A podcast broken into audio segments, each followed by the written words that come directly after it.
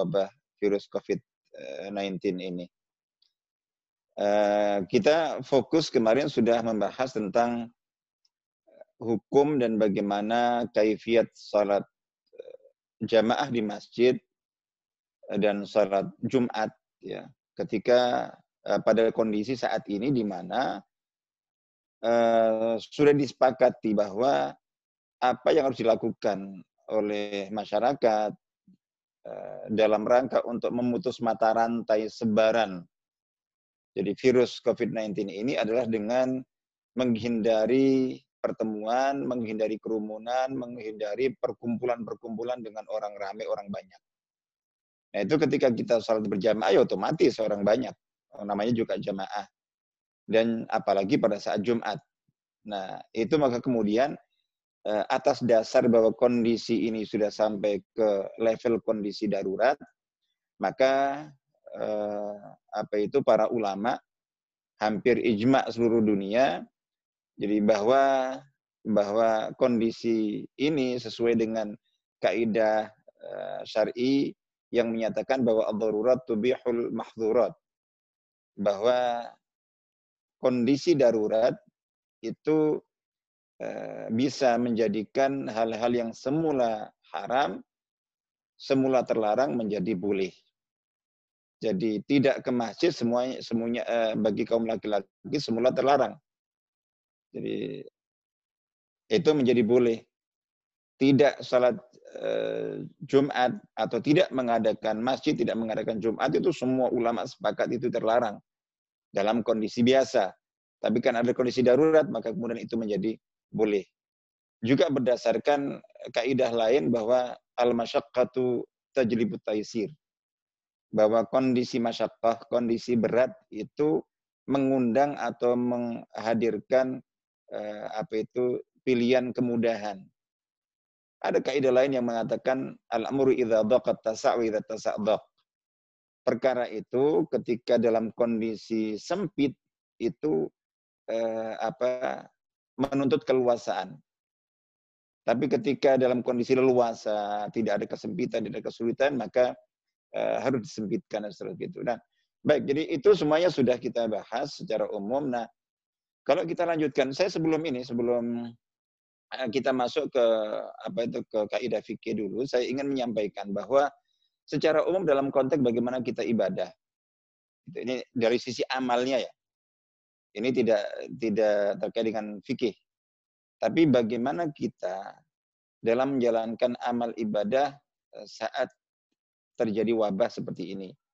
Kondisi khusus, kondisi darurat, di mana sampai mengukurkan uh, kewajiban berjamaah di masjid bagi yang berpendapat jamaah salat itu uh, wajib, seperti dalam madhab Hambali yang mewajibkan jamaah di masjid, saat ini seluruh masjid di Arab Saudi yang bermadhab Hambali itu ditutup termasuk Masjidil Haram dan Masjid Nabawi.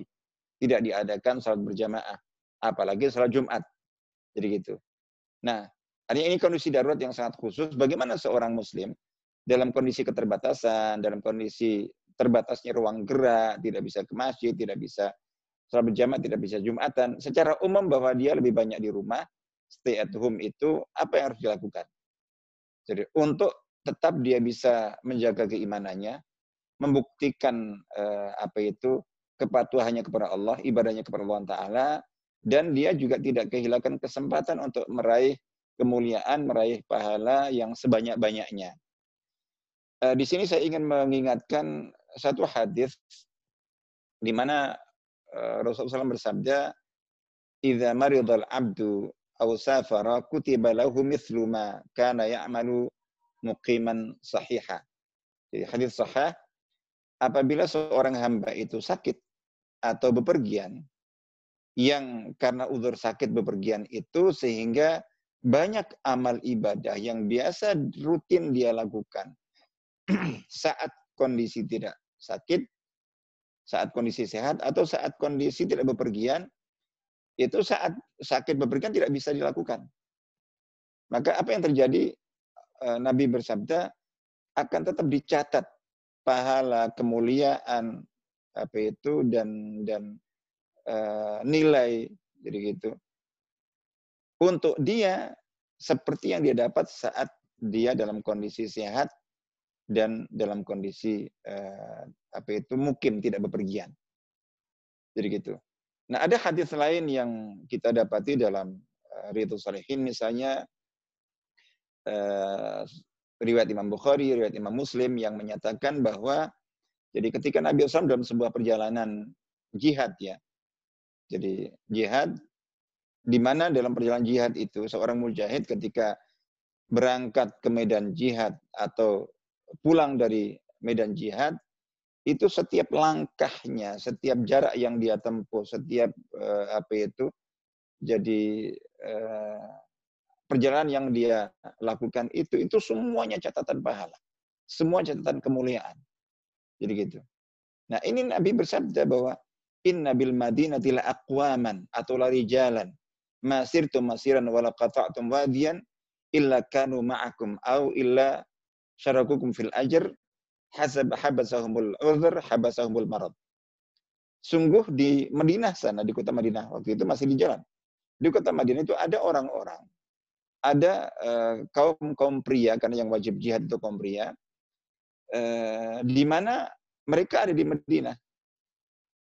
Tapi kalian tidak menempuh satu perjalanan pun, tidak melangkah satu langkah pun, tidak melewati satu lembah pun di mana di situ ada catatan pahalanya semuanya, melainkan mereka itu seolah-olah bersama kalian dalam eh, hak mendapatkan pahala kemuliaan seperti itu.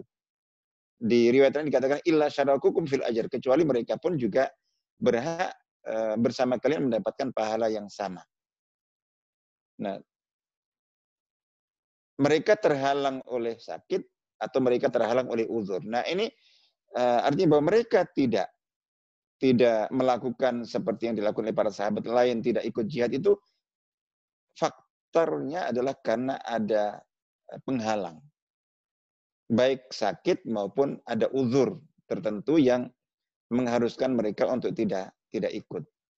Nah, di sini kita sedang dalam kondisi uzur sehingga banyak aktivitas ibadah, amal-amal ibadah seperti yang tadi uh, tadi kita sebutkan jadi sholat berjamaah di masjid, eh, apalagi Jumatan, dan berbagai aktivitas yang lainnya. Apalagi nanti kalau kita sudah masuk bulan Ramadan sebentar lagi, kita berharap, kita bermohon, kita optimis mudah-mudahan Allah Ta'ala sudah melepaskan atau menghilangkan apa itu musibah ini sebelum Ramadan.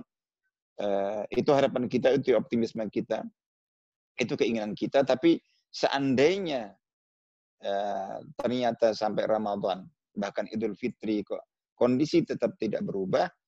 Nah, ini kan uh, apa ya? Aktivitas ibadah Ramadan itu sangat identik dengan masjid. Selain puasa.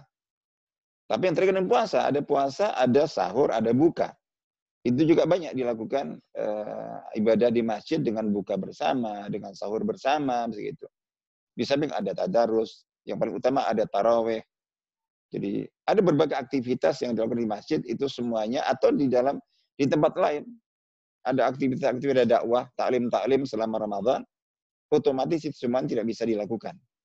Kecuali yang bisa diganti dengan dengan mungkin kajian yang sifatnya online. Kalau buka bersama nggak bisa online. Jadi sahur bersama nggak bisa online. Iktikaf nggak bisa online. Jadi kita bawa eh, artinya bahwa nah di sini bagaimana? Apa yang bisa kita lakukan? Tadi dikatakan bahwa kalau kita merujuk kepada hadis tadi, insya Allah eh, apa itu seseorang dalam kondisi seperti itu pun juga tetap bisa berpeluang mendapatkan pahala sama persis atau bahkan bisa melebihi seolah-olah eh, jadi yang hilang semuanya itu jadi eh, pahala seperti yang biasa dilakukan itu berjamaah di masjid tetap dia dapatkan meskipun nggak ke masjid pahala Jumatan tetap dia dapatkan meskipun enggak, tidak pergi ke ke masjid untuk Jumatan. Nanti pahala Qiyam Ramadan, taraweh, tidak ke masjid tetap dapat pahalanya. Iktikaf utamanya karena iktikaf kalau untuk salat taraweh itu ringan. Karena salat taraweh itu salat di rumah atau di masjid itu secara umum sama. Jamaah atau sendirian secara umum sama, sama-sama sunnahnya lebih ringan karena ini nggak ada masalah. Jadi, cuman mungkin keutamaan di masjidnya barangkali begitu ya. tentu ada keutamaan tertentu. Tapi maksudnya adalah bahwa tetap itu tidak bisa uh, di apa jadi didapat. Nah, khusus untuk itikaf utamanya. Untuk itikaf ya karena itikaf mutlak di masjid, tidak bisa digantikan. Nah, di sini agar supaya kita dalam kondisi khusus seperti sekarang ini uh, saat kita tidak bisa luas melakukan banyak amal ibadah yang biasa kita lakukan karena kita harus stay at home, karena kita harus membatasi mobilitas, ruang gerak dan interaksi kita uh, untuk bertemu dan berkumpul dengan orang lain, agar kita bisa mendapatkan tadi uh, apa yang dijanjikan Nabi dalam hadis kutibalahu uh, maka ya'malu muqiman sahihah.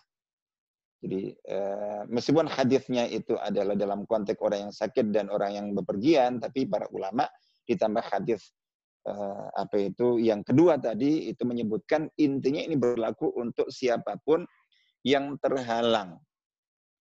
Jadi dari melakukan apa yang biasa dilakukan di antara amal ibadah itu karena adanya uzur, ada halangan uzur syar'i.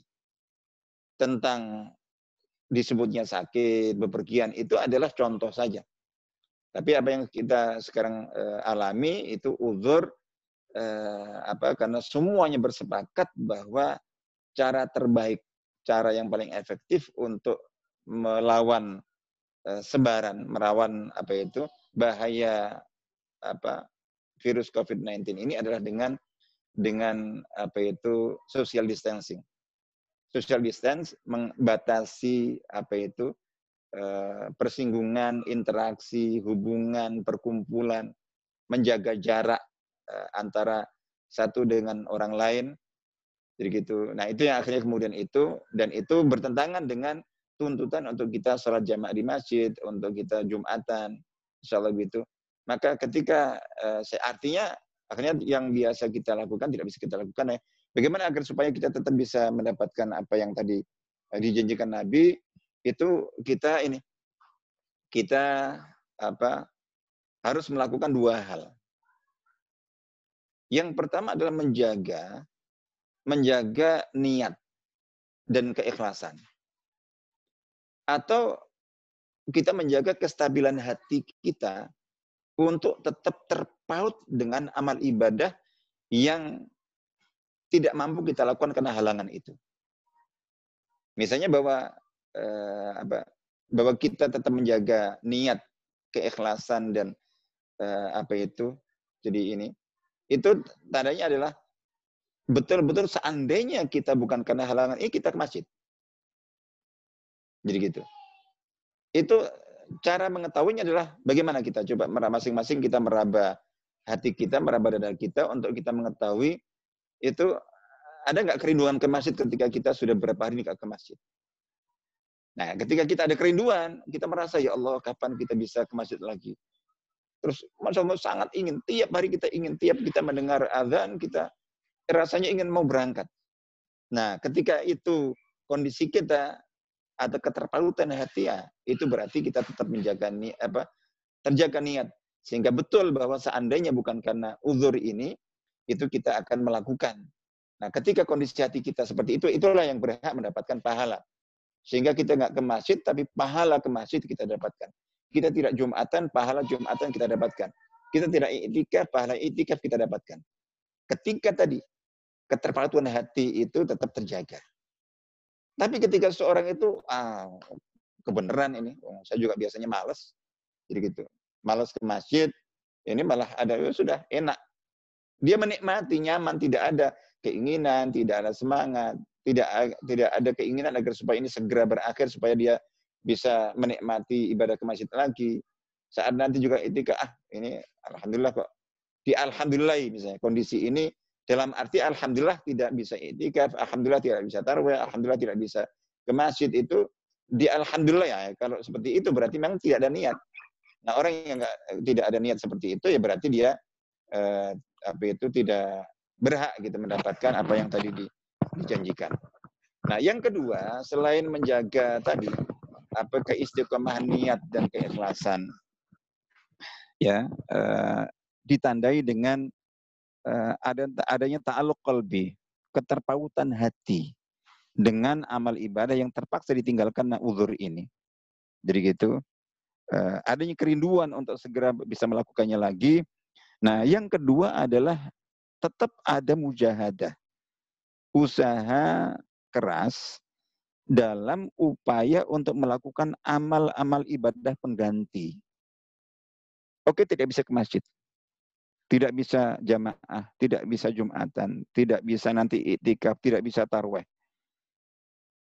Orang yang betul-betul memang uh, berhak tadi mendapatkan pahala yang seperti Nabi janjikan, itu dia membuktikan bahwa dalam kondisi itu dia tidak uh, terus kemudian tidur, santai, tapi terus beras apa yang masih bisa dilakukan?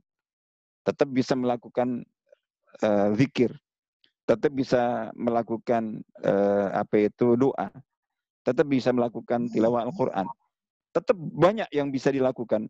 Nah, apa-apa yang masih bisa dilakukan itu dilakukan secara optimal, secara maksimal, baik secara kualitas atau kuantitas. Jadi secara kualitas, salat lebih khusyuk, doa lebih khusyuk, terus kemudian hari bahwa tilawah lebih lebih tadabur, lebih baik. Dan seterusnya. Secara kuantitas, ya bacaan tilawah lebih banyak. Mungkin ada hafalan di sana. Jadi sholatnya adalah sholat sunnah. Kalau untuk sholat wajib nggak bisa dibanyakkan. Itu sholat sunnah diperbanyak juga. Jadi puasa dan seterusnya. Eh, ini artinya bahwa untuk amal-amal yang uh, yang apa yang jadi kalau orang tadi itu dikatakan bahwa bahwa tidak bisa ke masjid, tapi di saat yang sama atau tidak bisa melakukan amal-amal ibadah yang terhalang untuk dilakukan, tapi ternyata amal-amal yang eh, di mana dia tidak terhalang melakukannya nggak dilakukan juga.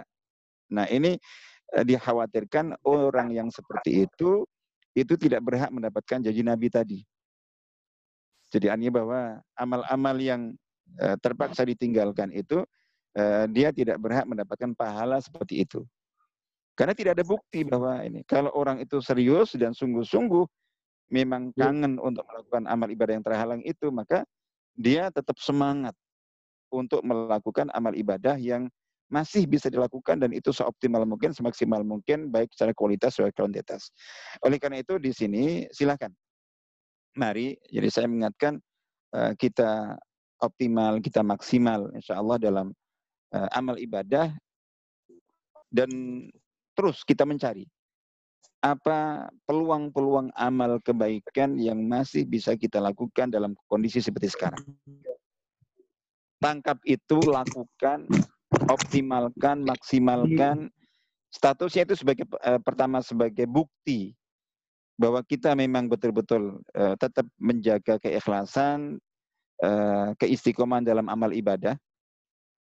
Yang kedua adalah itu sebagai pengganti jadi dalam kaidah kita beramal itu, itu ketika seseorang tidak mampu melakukan satu jenis amal tertentu karena kondisinya, maka dia tetap bisa berfastabiqul khairat. Dengan orang lain yang mampu melakukan amal itu, dengan cara apa? Dengan cara beramal dengan amal lain.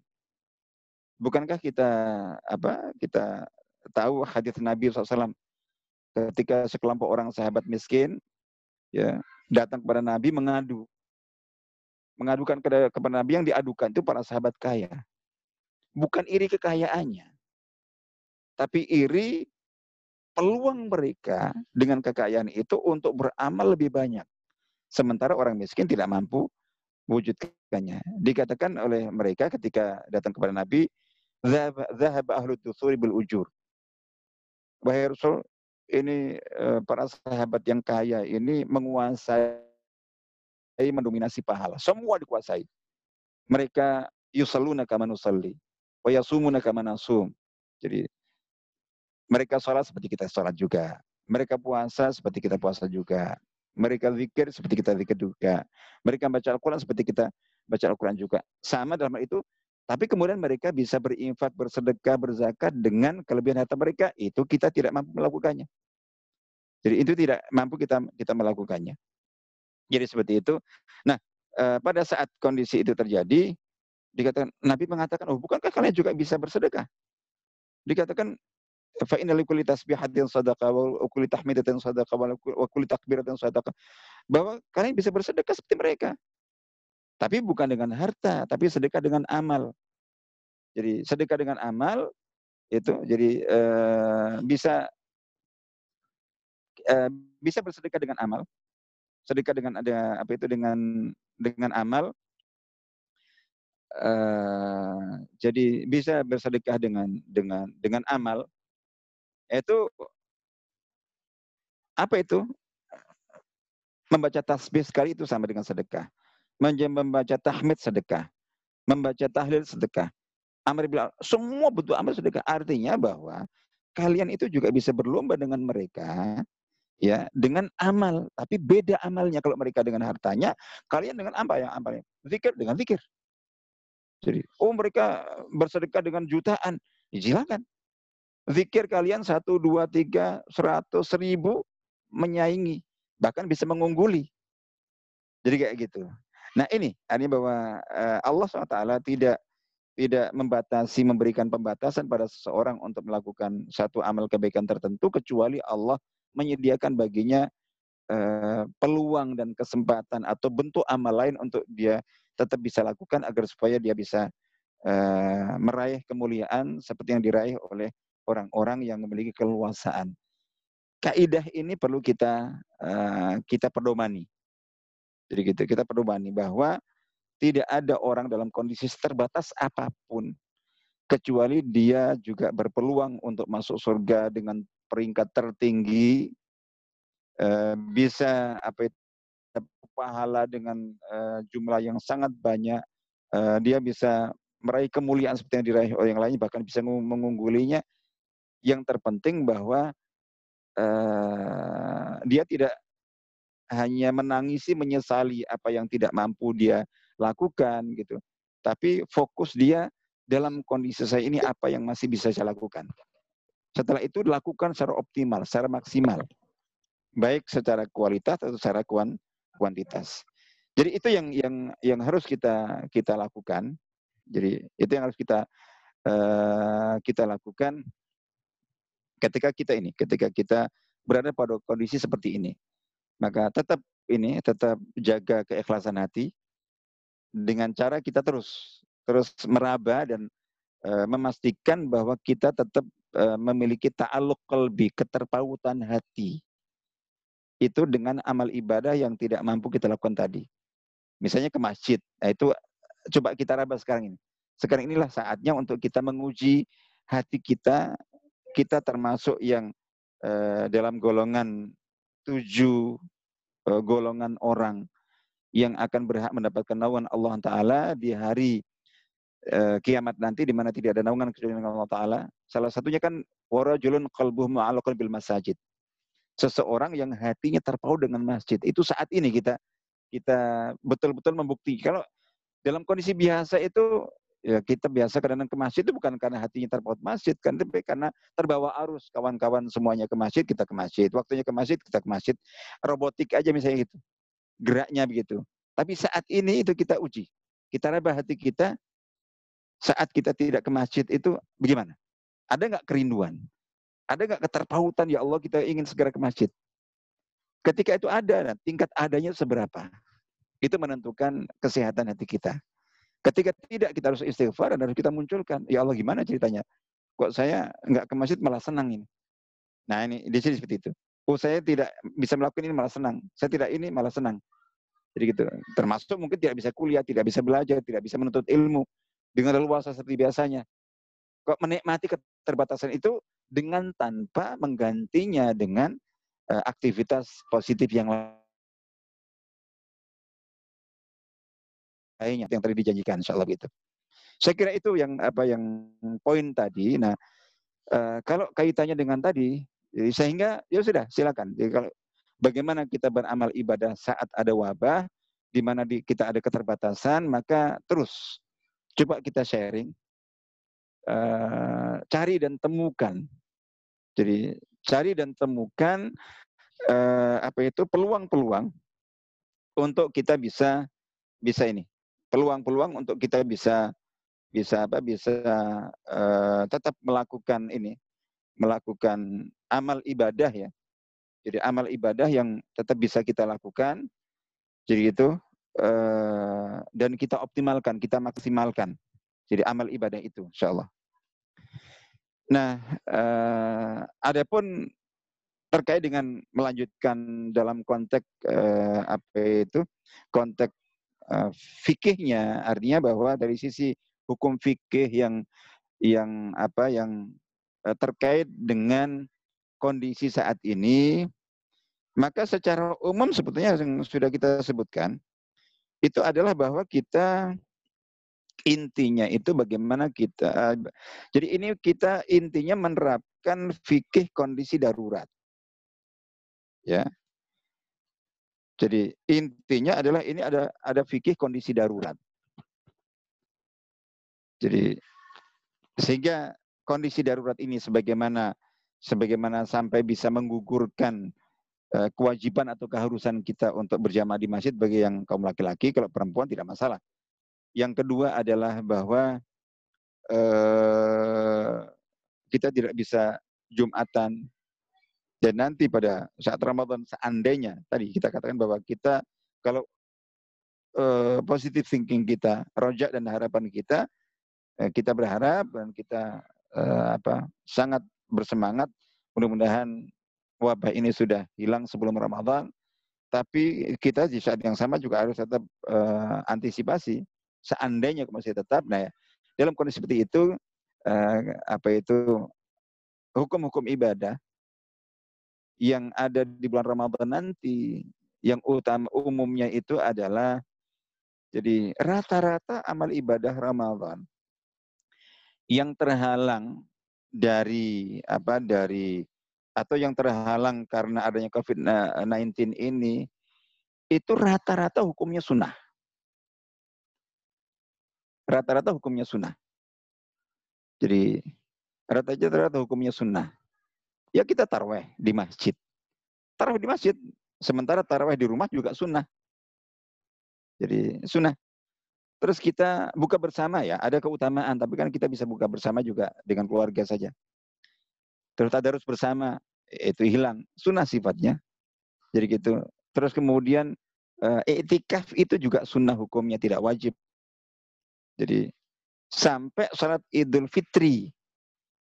Sholat Idul Fitri itu itu uh, apa itu jumhur ulama berpendapat bahwa hukumnya itu adalah uh, sunnah muakkadah.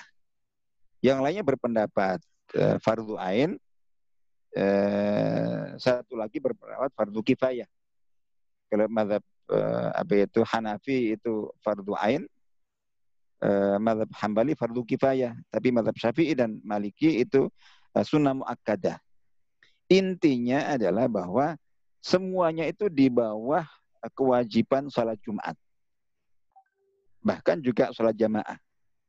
Jadi kayak gitu. Jamaah rutin itu. Nah, sehingga eh, kalau kita sudah kita bahas, jika apa kewajiban yang lebih tinggi saja yaitu sholat Jumat itu itu dengan kondisi ini itu para ulama semuanya memfatwakan atau mayoritasnya memfatwakan itu bisa gugur jadi gugur karena karena ini maka apalagi untuk Ramadan nanti yang amal-amal yang terhalang itu rata-rata sunnah eh, maksimalnya ya apa itu eh, fardu atau kewajiban biasa atau khilafiyah sifatnya begitu. Nah, sehingga ya kalau betul memang kondisi belum berubah dan kita tetap eh, apa bahkan dituntut lebih lagi dalam stay at home, tidak bisa ke masjid, tidak bisa berkumpul eh, dalam berbagai aktivitas ibadah dan dakwah, ya sudah. Artinya bahwa itu tentu otomatis gugur. Otomatis gugur dan tadi bahwa kalau kita tetap memenuhi dua syarat yang tadi saya sebutkan, menjaga ta'al qalbi. Jadi uh, ketulusan hati, keikhlasan dan niat uh, dengan ditandai dengan adanya ta'alluq qalbi, keterpautan hati dengan amal kebaikan yang terhalang untuk kita lakukan itu. Yang kedua, kita tetap bisa mengganti dengan amal-amal ibadah lain, aktivitas-aktivitas uh, baik lain yang masih mungkin dan bisa kita lakukan Nah, ketika itu maka kemudian maka apa yang uh, yang ini? Jadi apa yang yang bisa kita ini, yang bisa kita uh, tetap bisa kita optimalkan itu, maka insya Allah kita tetap berhak mendapatkan kemuliaan. Jadi kemuliaan termasuk uh, apa itu kemuliaan untuk dapat Lailatul Qadar. Termasuk kemuliaan untuk dapat Lailatul Qadar. Itu tetap bisa kita dapatkan meskipun kita eh, ada di rumah, meskipun kita stay at home, itu tidak uh, ke masjid, karena memang dalam rangka untuk uh, apa itu dalam rangka untuk ini dalam rangka untuk uh, jadi kita kita ini kita meraih kemuliaan itu uh, Lailatul Qadar itu tidak tidak mutlak tidak jadi memang dalam kondisi normal biasa uh, sarana terbaik untuk kita bisa mendapatkan Lailatul Qadar adalah dengan mengoptimalkan amal-amal ibadah yang terfokus ke masjid di masjid. Salah satunya adalah itikaf diisi tentu dengan sholat, dengan zikir, dengan doa dan seterusnya. Ya, itikaf itu. Jadi gitu. Tapi eh, apa? Itu dalam kondisi leluasa. Dalam kondisi leluasa baik leluasa untuk kondisi umumnya atau leluasa untuk orangnya. Karena bisa jadi artinya bahwa saat ini kan kita misalnya nanti Ramadan itu secara fisik sehat, terus kita tidak ada uzur apa pun, kita punya keluasan untuk mengoptimalkan amal ibadah di masjid, termasuk etika bisa begitu. Apa itu? Tapi ada kondisi orang yang yang eh, apa? Tapi kita kondisi umumnya itu menghalangi. Jadi gitu. kondisi umumnya menghalangi. Tapi ada orang yang kondisi umumnya itu leluasa, tapi kondisi dia yang tidak memungkinkan. Jadi orang yang sakit begitu dan seterusnya. Lalu kemudian, nah, dari sini maka kemudian tadi yang terpenting kita pikirkan adalah bagaimana kita tetap menjaga dua hal tadi. Jadi ini bahwa untuk hampir semua amal aktivitas uh, Ramadan itu karena peringkat derajatnya uh, yang wajib kan tingkat kewajibannya di bawah uh, sholat Jumat yang sudah kita sebutkan kemarin bahwa dari berbagai dasar dan dalil para dan juga dikuatkan oleh hampir ijma para ulama. Jadi hampir ijma para ulama itu eh, Jumatan saja bisa gugur dan itu sudah dibuktikan eh, di negeri kita banyak banyak masjid itu khususnya di wilayah-wilayah yang sudah masuk zona merah itu udah artinya takmirnya DKM-nya pengurusnya eh, berdasarkan fatwa para ulama itu akhirnya apa itu meniadakan pengadaan salat jamaah rutin bahkan salat Jumat. Di negara seperti Arab Saudi, Mesir, eh, Emirat, Qatar, Kuwait itu bahkan menyeluruh, tidak dibedakan ini zona merah, zona kuning, zona hijau. Udah begitu mulai tersebar atau ada uh, yang positif apa itu COVID-19 di sana, maka apa itu mereka langsung uh, memutuskan para ulamanya, kemudian juga uh, padu dengan pemerintahnya itu memutuskan untuk menutup uh, apa itu menutup ini, menutup masjid-masjid bahkan sampai termasuk Masjidil Haram dan Masjid Nabawi. Insya Allah begitu. Ya, jadi mungkin ada jadi itu secara umum. Adapun hal-hal lain yang kalau itu yang umum untuk untuk kondisi umumnya masyarakat. Jadi untuk kondisi umumnya masyarakat. Tapi untuk kondisi-kondisi eh, apa itu agak khusus, ini kaitannya dengan seperti eh, apa itu orang-orang yang yang apa ya eh, khususnya para dokter, tenaga medis, dokter, perawat, dan juga mungkin uh, apa itu tenaga lain kayak TNI Polri yang uh, memiliki tugas di garda depan dalam menangani eh, pasien-pasien uh, atau orang-orang yang uh, terpapar atau terinfeksi atau terkena uh, virus ini terja apa itu virus ini. Nah ini kondisi mereka khusus karena mereka harus bersentuhan berdekatan di saat yang sama mereka ada kewajiban untuk mereka melindungi diri. Nah, di sini misalnya bahwa akhirnya kemudian mereka yang khususnya tenaga medis dokter dan perawat yang harus berhadapan dengan dan apa dengan pasien langsung itu itu ada masalah terkait dengan bagaimana ibadah mereka bagi yang muslim untuk salat khususnya khususnya untuk salat.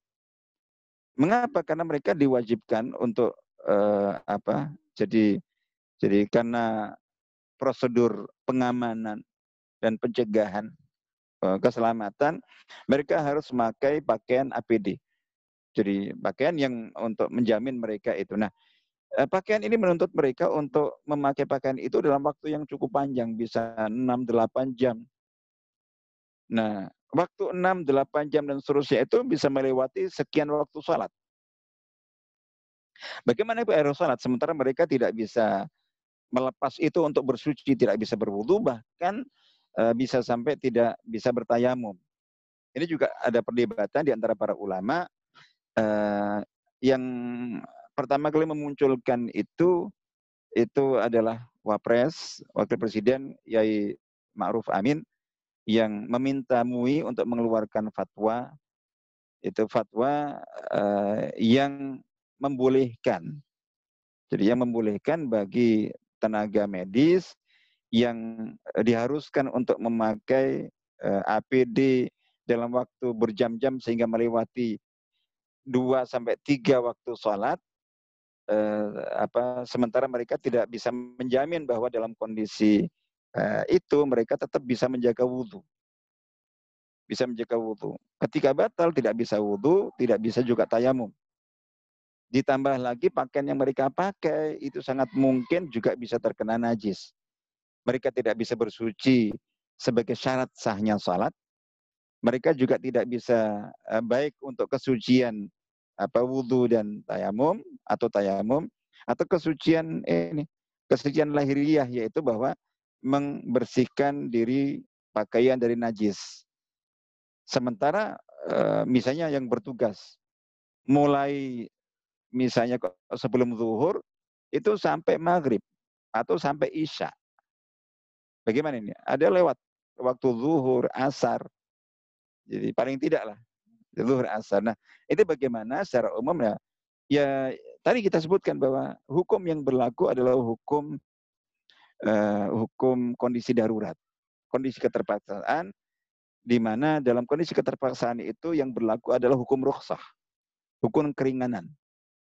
Jadi kalau orang yang dalam kondisi sulit karena sakit, sakit biasa, sakit, artinya sakit biasa itu sakit yang yang yang sebetulnya dia masih bisa wudhu, masih bisa salat, tapi berat. Dia berbaring, tapi untuk setiap waktu sholat itu bangun, uh, setiap waktu sholat bangun untuk wudhu ini itu, itu kadang-kadang sulit. Lebih-lebih lagi orang yang yang dalam kondisi penyebab yang relatif lebih ringan bepergian, bepergian masih bisa, masih bisa sholat di waktunya, masih bisa, tapi uh, diberi rukhsah.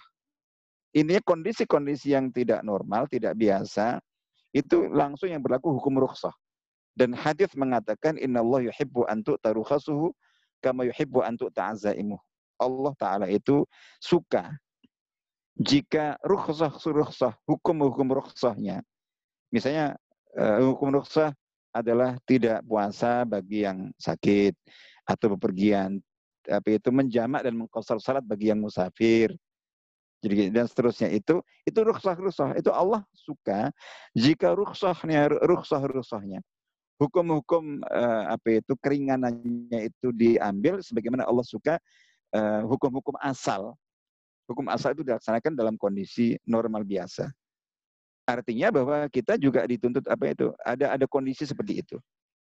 Jadi ada kondisi seperti seperti itu insya Allah. Jadi, nah artinya bahwa yang jelas bahwa dalam kondisi itu yang berlaku hukum rukhsah.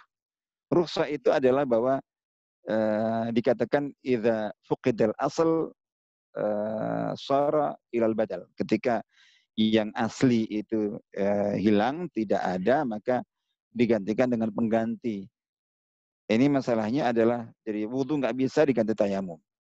Masalahnya bagi apa tenaga medis yang mungkin memakai uh, apa itu APD yang tidak memungkinkan untuk dia bisa apa bisa melepasnya untuk wudhu, untuk tayamum. Nah ini uh, kalau dia nunggu kalau nunggu dia pas sampai bisa ini bisa bisa sholat dengan normal dengan pakai wudhu atau minimal tayamum mungkin dia harus nunggu sampai tugasnya berakhir dan itu waktu udah lewat waktu udah lewat padahal masalah waktu ini sangat penting dalam uh, Al-Quran dikatakan inna salat uh, inna salat uh, inna salat akan ta'minnya kita bermukuta bahwa salat itu itu bagi orang-orang beriman itu wajib dengan kewajiban yang ditentukan waktunya. Insya Allah begitu. Nah, di sini ada beberapa opsi. Ada beberapa opsi. Yang pertama adalah opsi menjamak.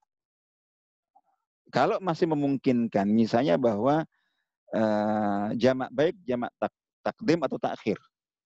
Misalnya begitu. Kita ambil contoh bahwa uh, seorang tenaga medis tugasnya mulai Eh, setelah masuk waktu zuhur. Yang mungkin nanti akan melewati apa ya? Melewati apa? Melewati ini.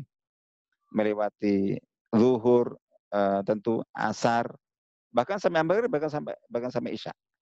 Jadi gitu, misalnya. Ambillah misalnya sampai uh, sampai maghrib. Atau sampai mungkin dari berapa? Jam satu itu sampai jam 7 malam, jam 8 malam. Sudah masuk waktu waktu Isya misalnya. Jadi gitu. Maka di sini dia sudah masuk waktu, dia bisa menjamak. Jamak takdim tanpa kosar itu zuhur dan asar. Bukan dengan maghrib isya nanti. Zuhur asar. Jadi gitu. Zuhur asar. Sementara di saat yang sama, ini kayaknya melewati sampai isya. Yang terlewat kalau Isya masih longgar waktunya, tapi maghrib yang sempit. Nah, berarti di samping dia menjamak takdim uh, zuhur asar di waktu zuhur, di saat yang sama juga uh, apa itu dia sudah dia sudah mengasumsikan ini kayaknya juga tidak bisa sholat maghrib di waktunya. Karena kayaknya mungkin sampai jam 8, misalnya begitu. Itu kan waktu itu. Nah, maka dia insya nanti untuk maghrib isya-nya di jamak takhir. Karena waktu Isya itu longgar. Jadi jam 8 selesai, dia bisa sholat uh, jamak takhir maghrib Isya di waktu Isya. Karena waktu Isya masih longgar sampai menjelang waktu subuh. Nah, tapi kalau yang ber, dia bertugas itu sebelum zuhur, jam 10 misalnya, dilihat. Jadi gitu. Nah, di sini babnya. Artinya kalau nanti misalnya jam 10 berakhir jam 4. Masih ada waktu asar. Jadi kita nah, dia setelah tugas masih bisa wudhu atau tayamum. Nah, sholat diniatkan jamak takhir. Jadi jamak takhir. Yaitu jamak takhir salat zuhur asar di waktu uh, di waktu apa itu di waktu asar. Atau misalnya yang diterjang itu maghrib isya. Maghrib isya. Tugas dia mulai dari jam 4 setelah salat uh, apa ya salat uh, asar. Don berlanjut sampai nanti apa itu eh mohon maaf uh, apa itu mulainya maghrib tadi kita mulainya maghrib dan ini mungkin uh, sampai waktu subuh maka dia sholat maghrib dan isya jamak apa itu takdim dengan isya nah subuhnya eh, kita lihat jadi seperti itu nah yang kemudian kalau untuk itu mungkin relatif uh, setidaknya bisa memakai mazhab Hambali. Jadi karena kalau madhab syafi'i tidak ada madhab syafi'i itu jamak eh, itu sama dengan kosor. Faktor penyebabnya hanya hanya bepergian safar. Tapi kalau untuk madhab hambali untuk menjamak itu itu uh, selain safar itu ada uzur lain uh, sampai uzur berupa lihajah untuk kebutuhan khusus misalnya itu. Jadi itu memungkinkan untuk menjamak lebih longgar gitu. Tapi masalahnya adalah bagaimana dengan yang Eh, dia tugasnya mulai dari misalnya jam 11. Harus memakai APD dan berakhirnya itu adalah masuk waktu maghrib. Jadi lewat. Jadi zuhur asar nggak bisa dijamak. Nah dalam kondisi ini itu tadi.